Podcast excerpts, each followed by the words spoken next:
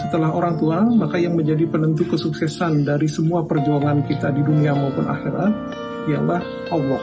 Sehebat dan setinggi apa pun raihan yang kita capai, semua terjadi atas izin dan kehendaknya. Setiap kebaikan berasal darinya, dan setiap keburukan berasal dari kesalahan kita sendiri. Makna filosofisnya adalah tidak ada keburukan dari Allah. Yang benar adalah bahwa kita sendirilah yang baik sengaja maupun tidak telah menutupi kebaikan dari Allah itu dengan kesalahan kita sendiri.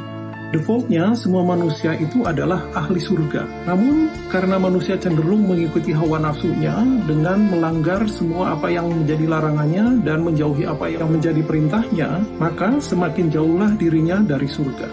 Karena itu, janganlah lelah untuk selalu memperbaiki frekuensi hubungan kita dengan Allah agar kita bisa membaca apa yang menjadi kehendak terbaiknya untuk diri kita.